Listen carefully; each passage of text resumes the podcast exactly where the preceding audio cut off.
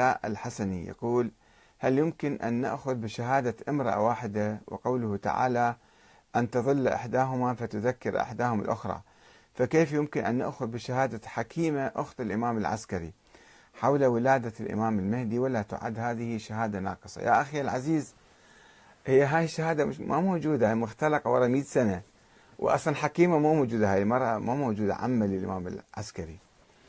إنما هي مفبركة ومختلقة من عمه الامام الجواد مو عمه هذا فركبوها على بعض وهو إذا كان الشخص موجود يعني ظاهر أمام الناس ما حد ما يسأل آه، منو أمه مثلا أو منو القابلة لولدته أو التفاصيل الكلام إنه لماذا تطرح هذه الأسئلة؟ لأنه أصلا ما له أثر من أول يوم في زمان أبيه وبعد وفاته وإلى اليوم.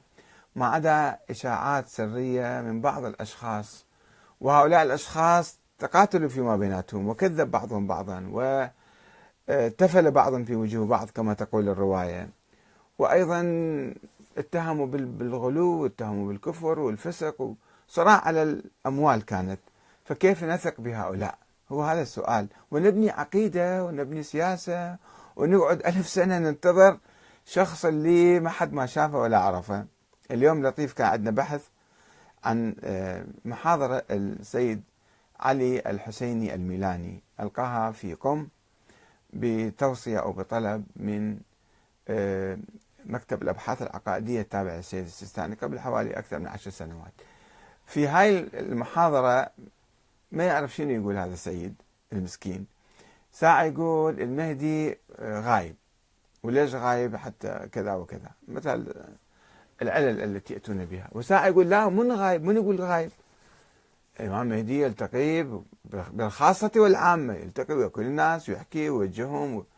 طيب إذا كان حاضر بهالصورة هذه ليش ما يوجه الشيعة دائما في المفارق الحساسة وفي المسائل المهمة إذا هو حاضر؟ وليش ما يطلع يحكم؟ الآن دول قائمة باسمه وبإمكانه أن يطلع يظهر والناس يأيدوه. ماكو داعي للخوف ولا داعي للتقية بعد. إذا كان في ذيك الأيام كما يزعمون بدعوى التقية أنه غائب ما شاف في أحد قال هذا خايف أكيد خايف.